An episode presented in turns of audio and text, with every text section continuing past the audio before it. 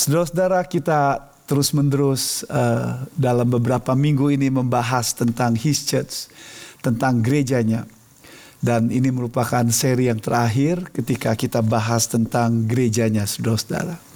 Kita sudah membahas tentang gerejanya, gereja Tuhan, Tuhan yang memulai, Tuhan yang akan bekerja, Tuhan yang empunya, bahwa gerejanya adalah His prevailing church, gereja yang tidak akan kalah, gereja yang dibuat menang sehingga uh, iblis tidak berkuasa apa yang dilakukan Yesus Kristus, kematian dan kebangkitannya itu terus akan bekerja untuk orang-orang di seluruh dunia ini.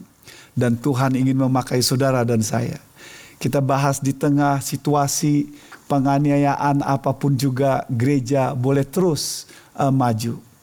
Kita bahas pentingnya hari Minggu sebagai bagian dari kita berbakti bersama-sama untuk uh, membesarkan nama Tuhan kita Yesus Kristus untuk ingat Yesus yang mati dan bangkit pada hari Minggu. Dan itu merupakan perintah bagi kita untuk berbakti bersama-sama. Dan kita bahas minggu lalu pentingnya kita bergabung di gereja lokal dan itu merupakan kehendak Tuhan supaya kita berakar, bertumbuh dan berpartisipasi bersama-sama dalam gereja lokal. Dan ketika semua IBC, jemaat-jemaat IBC bergabung bersama-sama, kita akan bisa membesarkan dan eh, memuliakan Tuhan makin efektif. Saudara-saudara, hari ini saya ingin membahas topik yang terakhir tentang gerejanya, yaitu bicara soal tentang uh, passion for people. Bicara soal misi daripada gereja itu berbicara hakikat daripada apa yang Yesus lakukan dalam kehidupan kita, yaitu compassion for people. Karena Yesus mati dan bangkit untuk kita orang-orang yang uh, berdosa. Saudara-saudara uh, memberi mem, memberikan dorongan kembali, memberikan kesegaran kembali karena sering kali uh, compassion hati dengan waktu berjalan makin lama makin hilang.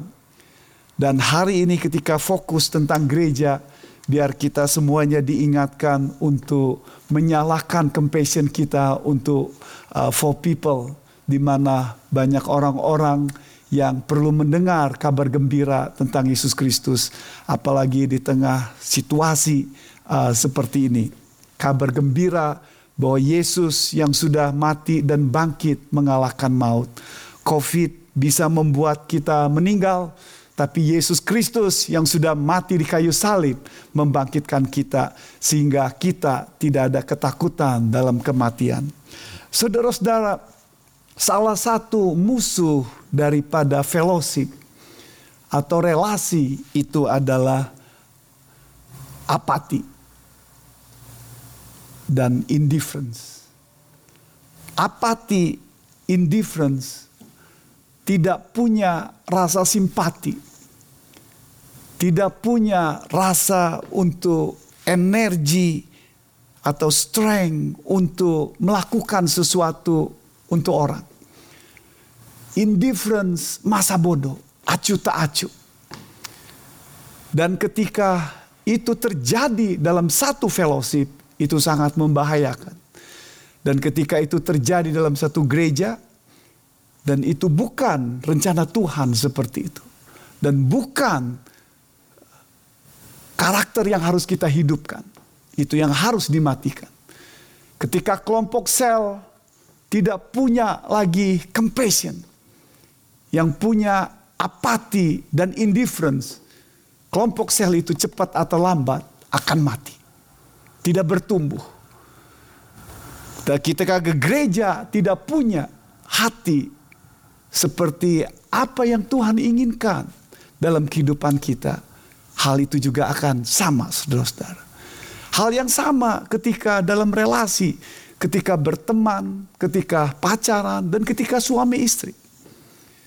Ketika there is no simpati, there is no compassion each other, khususnya dalam konteks suami istri yang sedang yang sudah menikah cukup lama, apati dan indifference, tidak ada rasa concern, beban dan acu tak acu oleh karena kekesalan, oleh karena tidak suka, oleh karena kemarahan, bitterness, oleh karena hal-hal yang menggang, uh, melukai hatinya. Yang ada adalah hati yang tidak bagus dan masa bodoh. Dan ketika kita masa bodoh dengan pasangan kita, the love is dead. Cinta itu sudah mati. Dan ketika kita masa bodoh dengan orang di sekitar kita, the love of Christ kurang bekerja dalam kehidupan kita. Jadi pagi ini saudara-saudara ketika bahas tentang gereja di tengah-tengah COVID-19 ini, di tengah era COVID-19 ini, mari kita memikirkan tentang misi dari Tuhan kita Yesus Kristus. Bahwa gereja ada seperti konstitusi gereja kita berkata, ibisi eksis supaya menjadi saksinya. Supaya boleh terus memenangkan jiwa dan boleh terus memuridkan menjadi pribadi yang terus bertumbuh dalam Yesus Kristus. Menjadi devoted follower of Jesus. Bukan hanya sekedar ikut-ikutan. Dan kita ada supaya bisa menjadi berkat, jadi influence untuk yang lain. Saudara-saudara, dan compassion ini harus terus dihidupkan dalam kehidupan kita. Kalau tidak, kita akan berjalan dengan rutinitas, dengan pengajaran, dengan kegiatan, dengan aktivitas, dan the love itu lama-lama bisa, compassion itu bisa mati. Karena kebiasaan. Dan itu terjadi dalam Wahyu pasal 2. Gereja yang penuh dengan aktivitas dan kegiatan. Seperti gereja Efesus. Tapi the for people. The heart for Jesus itu mulai padam, hilang. Dan kiranya khotbah hari ini menyegarkan kita, menyegarkan saya pertama-tama dan kiranya menyegarkan uh, sudah menyegarkan saya kira menyegarkan saudara. Salah satu yang kita bisa kembangkan adalah atau prinsip dasar yang harus kita hidupkan di dalam membangun compassion for people adalah belajar dari Tuhan kita, Yesus Kristus. Learning from Jesus compassion yang empunya gereja yang dia datang secara khusus ke dalam dunia ini untuk melakukan penebusan untuk manusia. Matius 9 ayat 35 sampai 38. Matius 9 ayat 35 sampai 38 ini nats yang kita akan bahas. Kita belajar dari Jesus compassion. Kiranya menggairahkan kita semuanya punya hati for Jesus dan hati for people. Firman Tuhan berkata demikian. Demikianlah Yesus berkeliling ke semua kota dan desa ia mengajar dalam rumah-rumah ibadat dan memberitakan Injil kerajaan sorga serta melenyapkan segala penyakit dan kelemahan. Melihat orang banyak itu, tergeraklah hati Yesus oleh belas kasihan kepada mereka, karena mereka lelah dan terlantar seperti domba yang tidak bergembala. Maka katanya kepada murid-muridnya, tuayan memang banyak, tetapi pekerja sedikit. Karena itu, mintalah kepada Tuhan yang empunya tuayan, supaya ia mengirimkan pekerja-pekerja untuk tuayan itu. Saudara-saudara, coba perhatikan dalam nats ini. Dalam khotbahnya Spurgeon, the Prince of Preacher yang terkenal dari beberapa tahun yang lalu berkata demikian. Khususnya ayat 38 ini yang mengejar dia. Ayat 38 ini hunt him. Dan kiranya firman Tuhan hari ini juga sama. Tuhan you and Tuhan me. Untuk kita memikirkan secara serius betapa pentingnya bagian ini saudara-saudara. Saudara-saudara coba perhatikan baik-baik. Ya, saya akan bagi khotbah saya ini dalam tiga bagian. Yang pertama, bicara soal bahwa compassion bahwa compassion itu didasarkan pada pengetahuan yang benar tentang keberadaan manusia. Yang kedua, belajar dari contoh dari Tuhan kita Yesus Kristus. Lalu kemudian yang ketiga kita bahas Yesus memanggil kita untuk berpartisipasi dalam melakukan uh, compassion ini untuk bergabung dengan pekerjaannya. Saudara-saudara coba perhatikan baik-baik. Yang pertama saya ingin bahas bahwa compassion kita itu harus didasarkan pada pengetahuan yang benar tentang uh, keberadaan manusia itu. Ketika gereja kita punya purpose, punya tujuan, yaitu menjalankan amanat agung Tuhan kita Yesus Kristus untuk memenangkan jiwa, untuk terus memuridkan jiwa.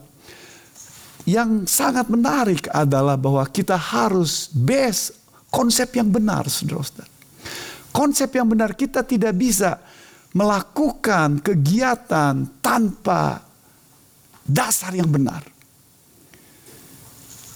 Kita harus punya dasar yang bagus, pengetahuan yang alkitabiah, yang sejalan dengan pikiran dan hati daripada Tuhan kita, Yesus Kristus. Ayat 36 berkata demikian. Melihat orang banyak itu, tergeraklah hati Yesus oleh belas kasihan kepada mereka karena mereka lelah dan terlantar seperti domba yang tidak bergembala. Saudara perhatikan ayat 36 itu dimulai dengan satu kata kerja participle. Seeing the crowd. Melihat, looking the crowd. Melihat orang banyak. Saudara perhatikan, melihat orang banyak. Kata melihat di sini sangat penting, saudara-saudara. Karena tekanan dalam nats ini mau ditekankan bahwa betapa pentingnya melihat. Karena melihat Yesus tergerak. Dan melihat lalu dijelaskan ada alasannya tergeraknya. melihat the crowd. Saudara-saudara sangat menarik. What you see, apa yang kita lihat itu akan mempengaruhi hidup kita. Melihat tekanannya berbicara soal hal yang berhubungan dengan prinsip hidup, filosofi hidup. Memperhatikan baik-baik Lihat baik-baik. Ketika Yesus melihat orang, melihat kota, melihat desa, melihat tempat, yang dilihat berbeda dengan apa yang kita lihat. Saudara-saudara, perhatikan yang Yesus ingin katakan.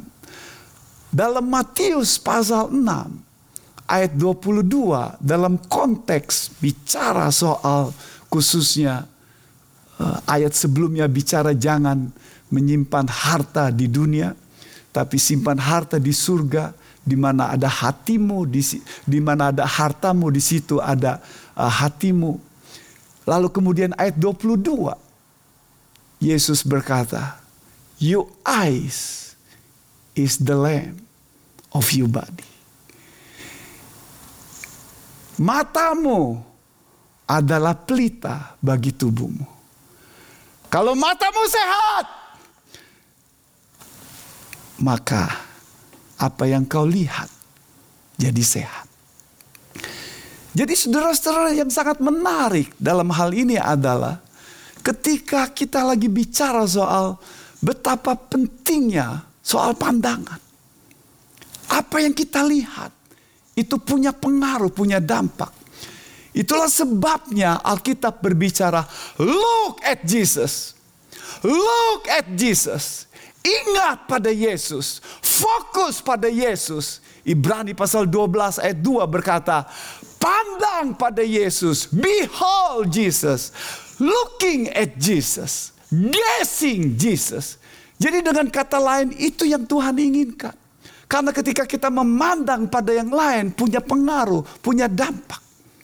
Yesus berkata sama Petrus di tengah ombak dan taufan.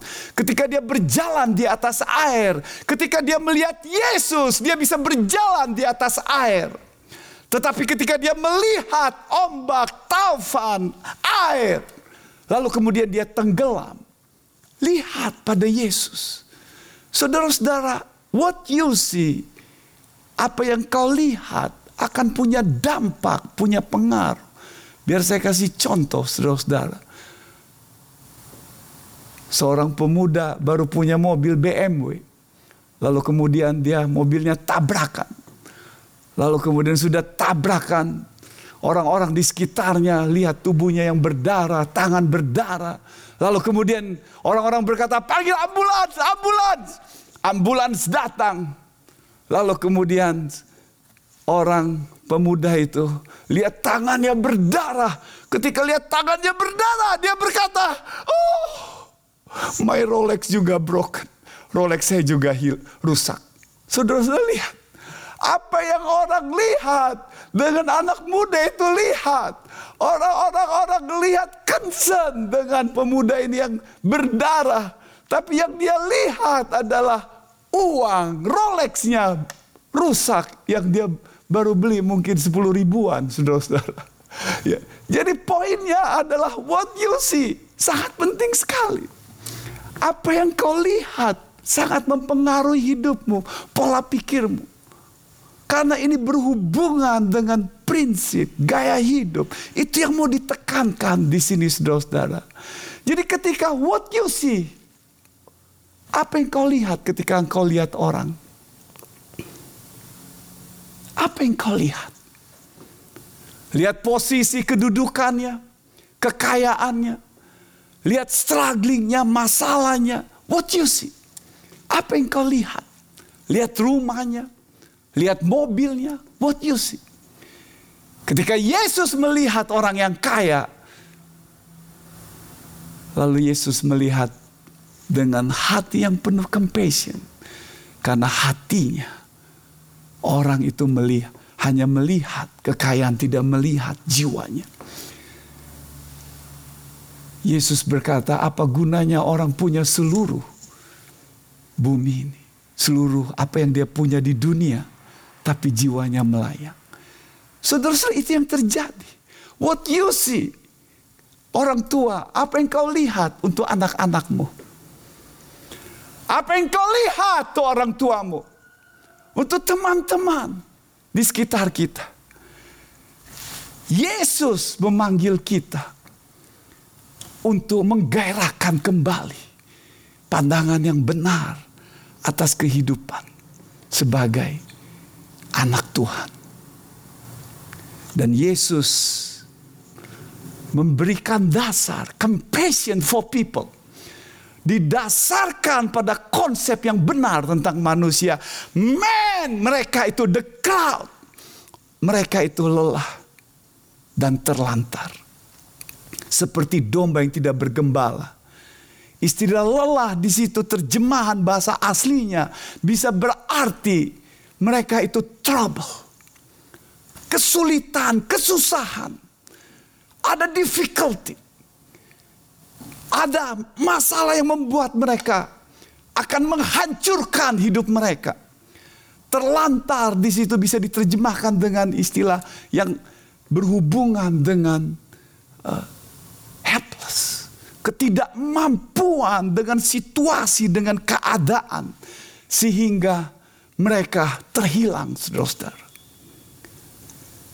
Itulah sebabnya Yesus melihat manusia seperti domba. Domba yang perlu untuk dilindungi. Domba yang perlu untuk dipimpin. Domba yang perlu untuk dikasih. Saudara-saudara, that's Yesus memandang. Atas dasar yang benar. Ketika gereja kita melihat manusia sekitar kita, di mana kita berada, melihat seperti Yesus melihatnya, dan kita akan mempunyai konsep yang sama seperti apa yang dilakukan oleh Tuhan kita, Yesus Kristus, atas dasar yang benar. Saudara-saudara, karena manusia, orang yang berdosa, manusia yang memberontak sama Tuhan, manusia yang lupa sama Tuhan, manusia yang harusnya diciptakan ingat pada Sang Creator, tapi manusia fokus sama dirinya sendiri. Manusia menjadi creator, menjadi pencipta, menjadi bos atas dirinya sendiri, dan merasa melakukan apa yang harus dia lakukan dan lupa sama Tuhan. Apa yang saya pengen, apa yang saya mau, itu yang saya lakukan. Masa bodoh terhadap Tuhan, masa bodoh terhadap Sang Creator yang menciptakan kita. Saudara-saudara, compassion dibangun atas konsep yang benar. Selama anak Tuhan tidak punya konsep yang seperti ini, hatinya tidak ada compassion dalam kehidupannya. Saudara-saudara, compassion itu muncul atas konsep yang benar, atas dasar yang benar. Dan ketika kita mengerti tentang kehakikat manusia, keberadaan manusia, dan gereja eksis, gereja ada, IBC ada, supaya menjadi berkat untuk orang di sekitarnya, menjadi saksinya di tengah situasi yang seperti karena mengerti konsep ini. Dan Yesus yang mati dan bangkit untuk jadi berkat untuk mereka. Saudara-saudara, yang kedua yang kita bahas saudara-saudara adalah contoh Tuhan kita Yesus Kristus.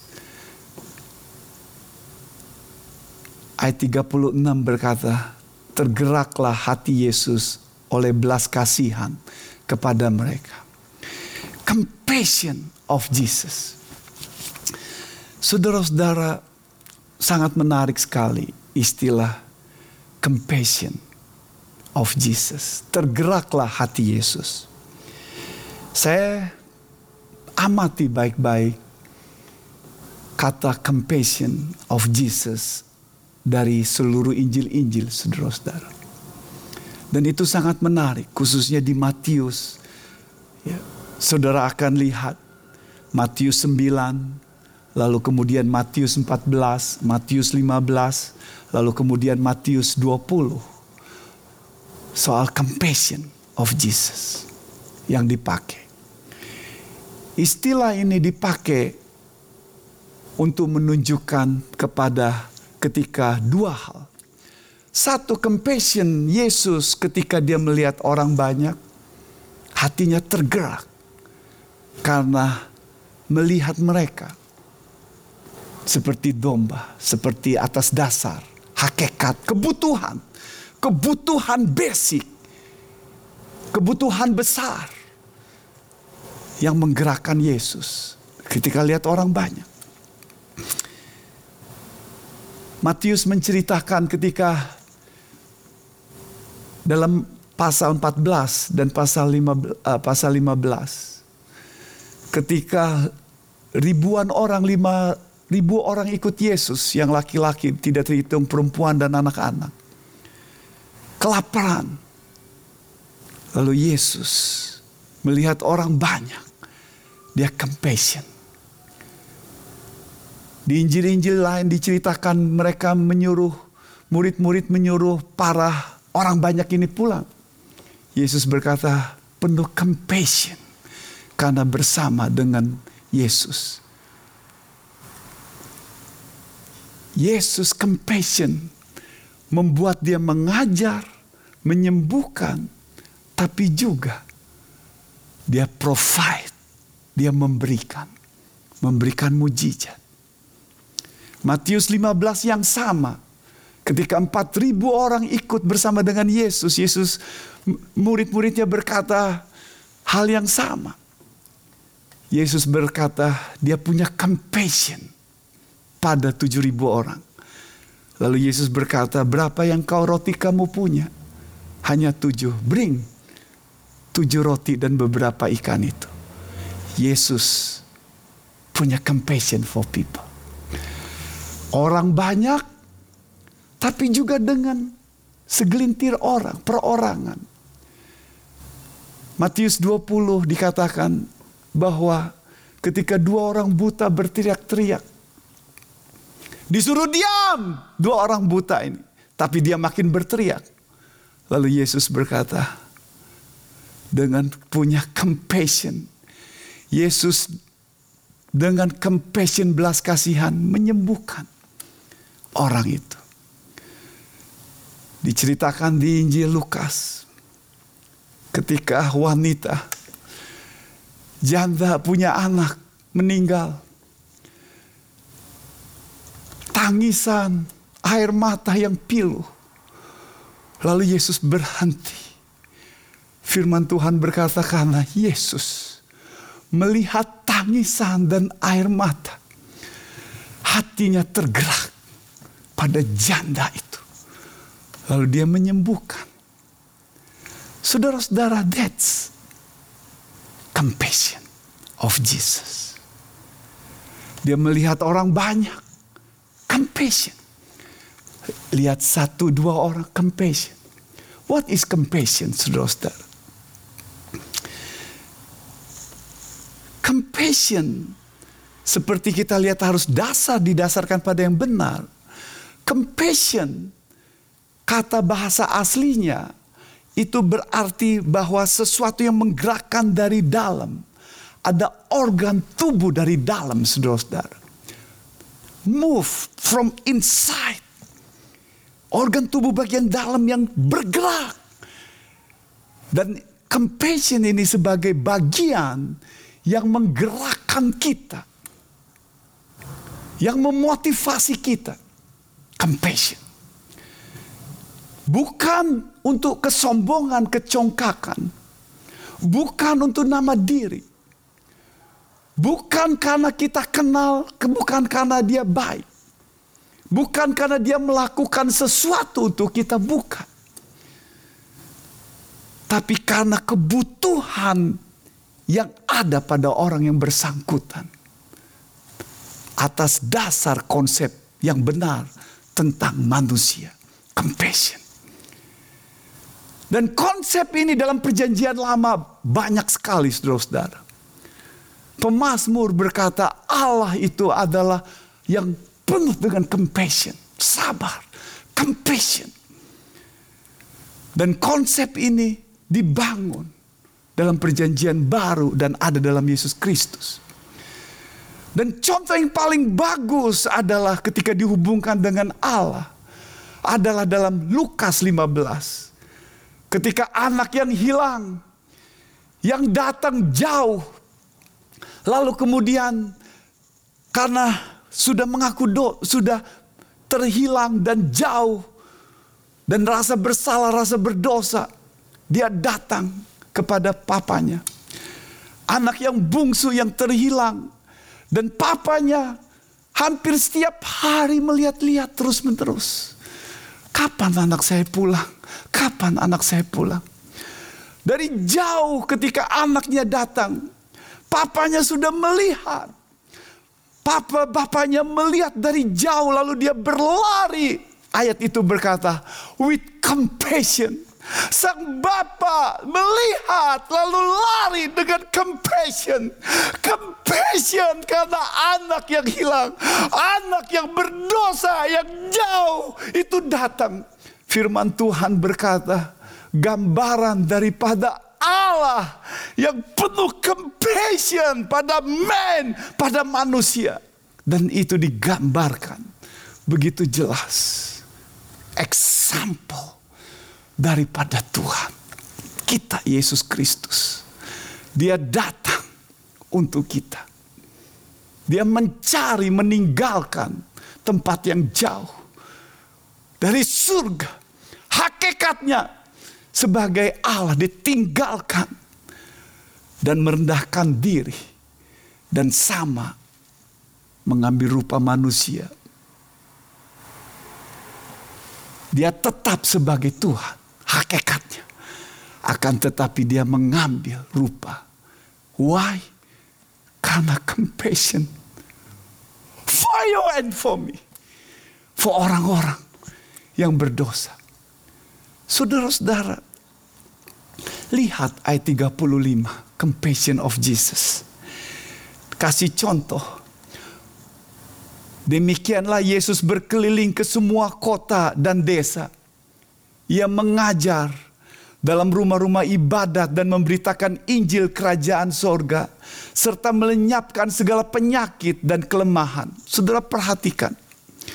Ia mengajar, teaching, tapi juga preaching. Injil kerajaan sorga.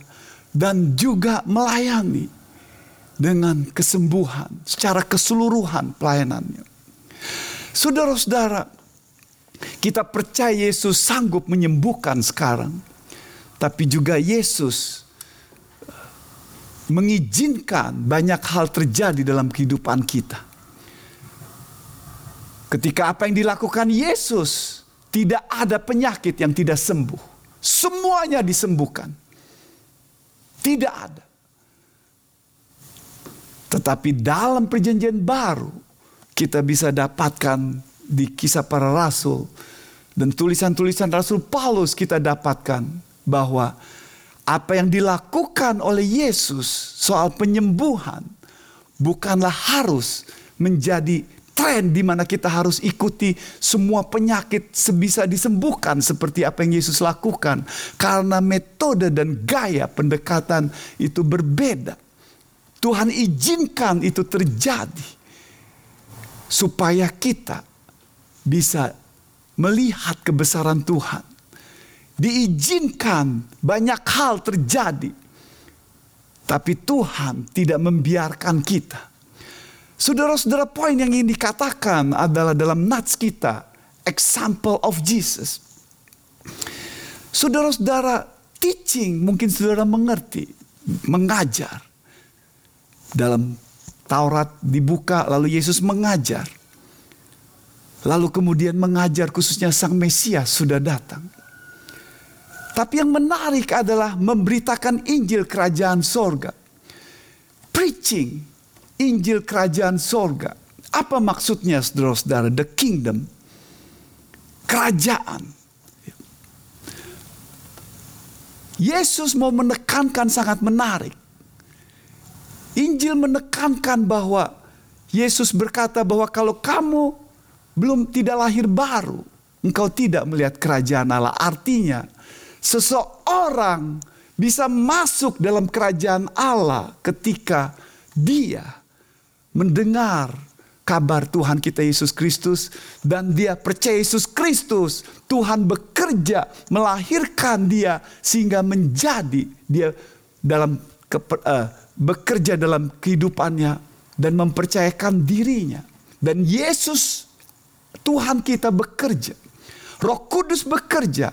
Allah bekerja pada seseorang sehingga dia bisa dan mampu untuk percaya Yesus Kristus. Dan kita, respon kita percaya pada Tuhan kita Yesus Kristus. Saudara-saudara, Injil kerajaan Allah maksudnya apa saudara-saudara? Maksudnya adalah hal ini menunjukkan bahwa ketika Yesus datang, dia memberikan kerajaan terang. Ketika orang percaya kepadanya, masuk dalam kerajaannya. Artinya, orang-orang itu diperintahkan dengan bahwa Yesus berkuasa atasnya. Gereja adalah orang-orang percaya, itu berarti bahwa gereja itu harusnya idealnya itu yang diinginkan Yesus berkuasa atas orang percaya. Alkitab berkata, nanti kerajaan itu sudah ada sekarang, tapi nanti dia akan datang. Seperti doa Bapa kami, datanglah kerajaan. Ya. Saudara-saudara, berhubungan dengan hal yang kedatangan Tuhan kita Yesus Kristus yang nanti akan datang.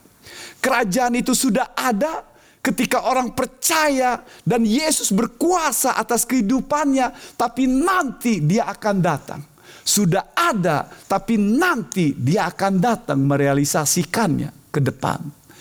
Tapi poin yang lain soal kerajaan itu berarti saudara-saudara ada kerajaan yang lain. Efesus pasal 2 dan pasal 6 dan Kolose 1 ayat 13 berbicara tentang kerajaan iblis, bicara tentang kerajaan yang lain, kuasa kegelapan. Itu berarti orang-orang yang berdosa dikuasai oleh kerajaan yang lain.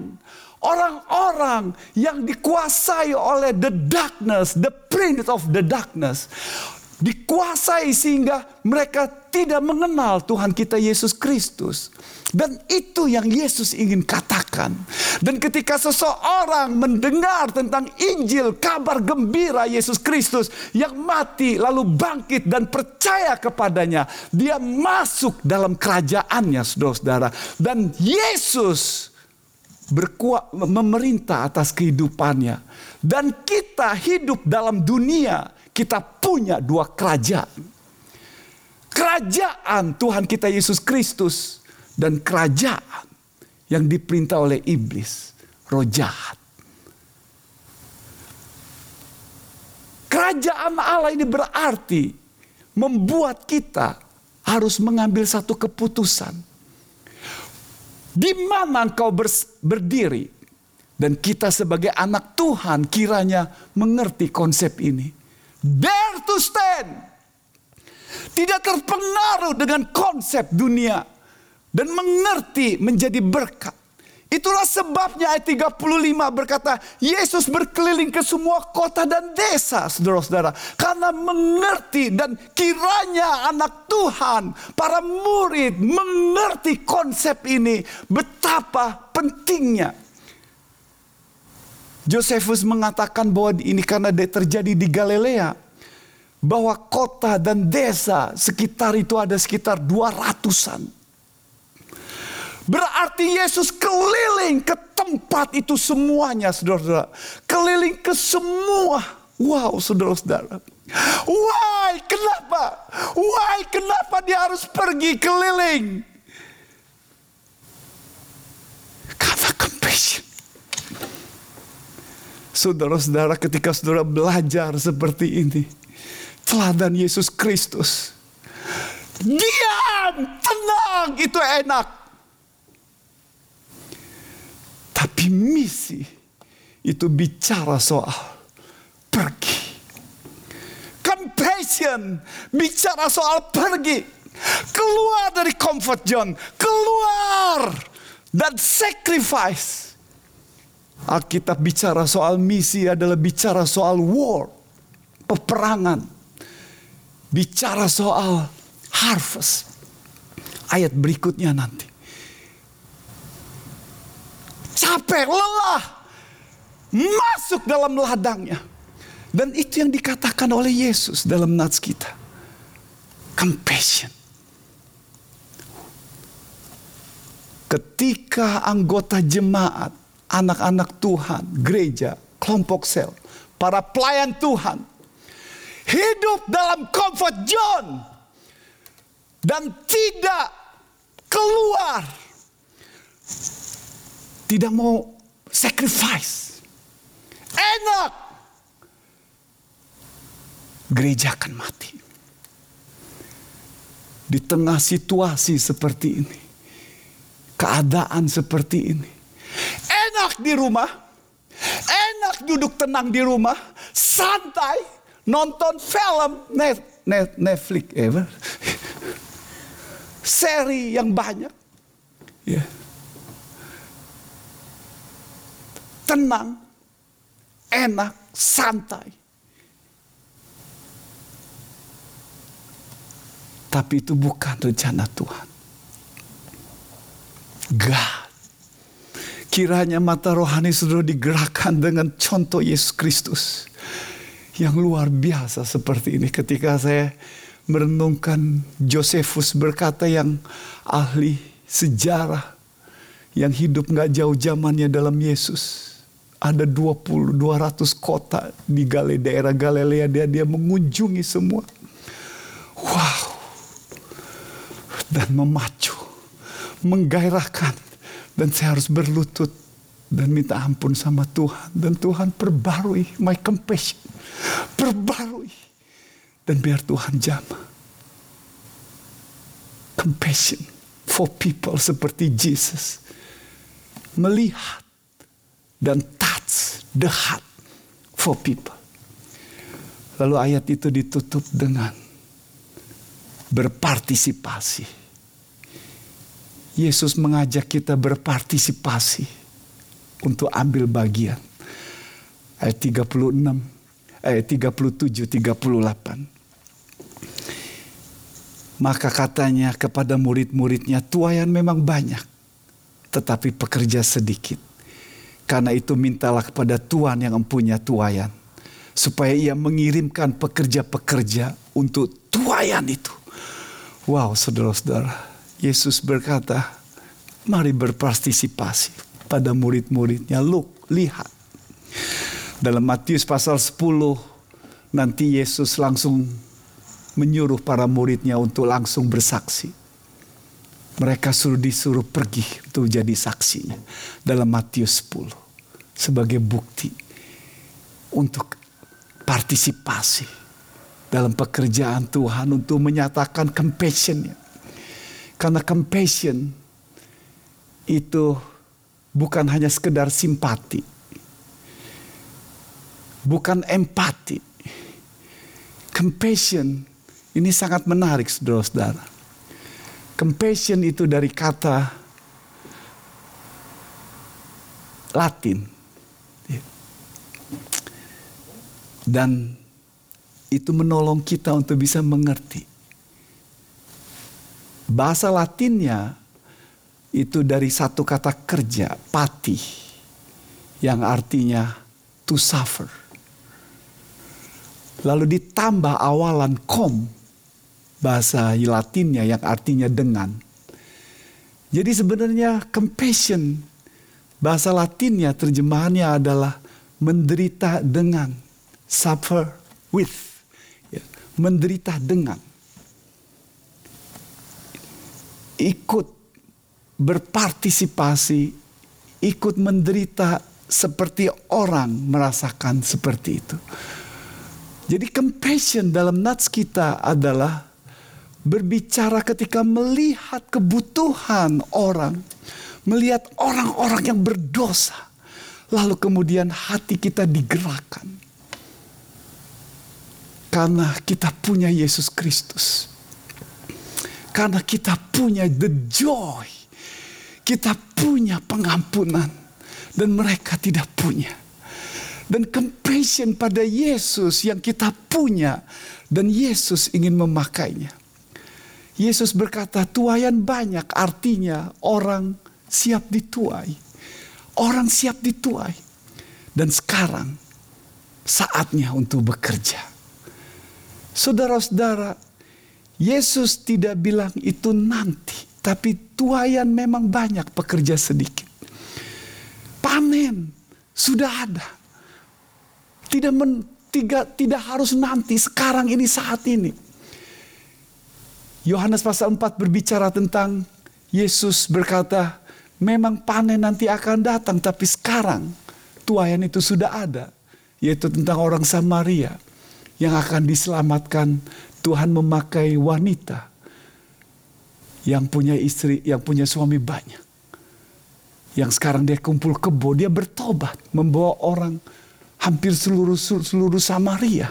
Alkitab berkata percaya sama Yesus. Yesus bilang sekarang sudah. Jadi poinnya saudara-saudara ini yang sangat menarik saudara-saudara. Yesus berkata berpartisipasilah, jadilah untuk berpartisipasi atas tuayan yang ada dan minta pada Tuhan. Kita berdoa.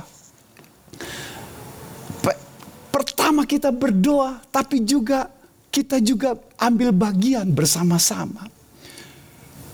Untuk ambil bagian. Di era COVID-19 ini saudara-saudara, apakah Tuhan tahu? Tuhan tahu. Tuhan tahu pergumulan dan zaman dulu sama juga pergumulan. Ketika para murid datang ke tempat-tempat yang tempat yang baru dengan struggling, dengan masalah dan di bawah penganiayaan, struggling, mereka terus boleh menjadi saksinya. Alkitab berkata bahwa Tuhan ingin memakai saudara dan saya. Dia ingin memakai pekerja-pekerja. Pekerja itu siapa? Saudara dan saya. Orang yang sudah ditebus. Orang yang sudah mendapatkan keselamatan itu untuk dipakai menjadi alatnya. Dan Tuhan ingin memakai kita. Ini waktunya. Yes. Struggling masalah tantangan. Kiranya di tengah ketika compassion itu ada dihidupkan. Biarlah Tuhan membangunkan kita sehingga ada kreativitas, ada pendekatan, ada yang baru dibangunkan sehingga di tengah situasi ini, mata kita tetap berkata, IBC eksis untuk orang-orang yang masih perlu dijangkau. Di tengah kesusahan, kesulitan, masalah. Biar Yesus Kristus yang mati dan bangkit. Itu menjadi center. Menjadi berkat pertolongan. Dia gembala yang agung, dia yang the provider, dia yang pemelihara, dia yang memperhatikan, the guidance, yang mengerti kesusahan, kesulitan. Itu mau campur tangan dan menolong kita. Tuhan ingin kita berpartisipasi bersama. Mari kita jemaat IBC, keluarga-keluarga, kaum muda, apa pun juga kita dipakai Tuhan untuk menjangkau orang di sekitar kita yang lagi susah, bergumul, penuh putus asa. Tuhan mau memakai saudara. Tuhan mau memakai ibisi. Tuhan mau memakai saya dan saudara-saudara. Mari kita berdoa bersama-sama.